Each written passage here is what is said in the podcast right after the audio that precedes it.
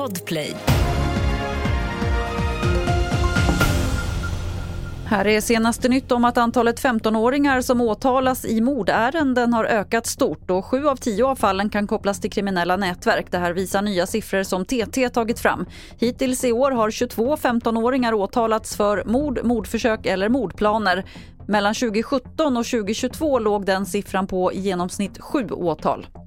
Det har varit en ny stöld av ambulanskläder i Stockholmsområdet för andra gången på kort tid, rapporterar SR. Natten till igår slog tjuvar till mot en ambulans i Rissne och kom över två uniformer. I söndags stals också två uniformer från en ambulansstation i södra Stockholm.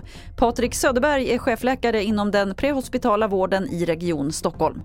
Det är ju oroande ambulansen har ett stort förtroende ute i samhället och vi hjälper ju alla människor, både offer och förövare, med sjukvård i komplexa situationer och det vi är oroliga för det är ju att man ska använda kläderna för att ja, ta sig in på ställen eller i sammanhang där man inte ska vara.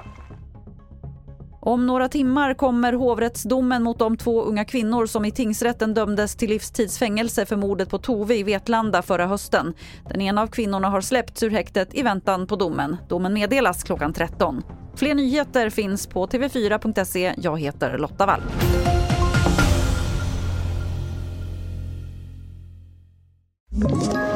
Ett poddtips från Podplay.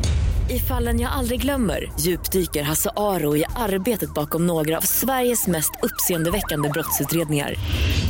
Går vi in med hemlig telefonavlyssning och, och då upplever vi att vi får en total förändring av hans beteende. Vad är det som händer nu? Vem är det som läcker?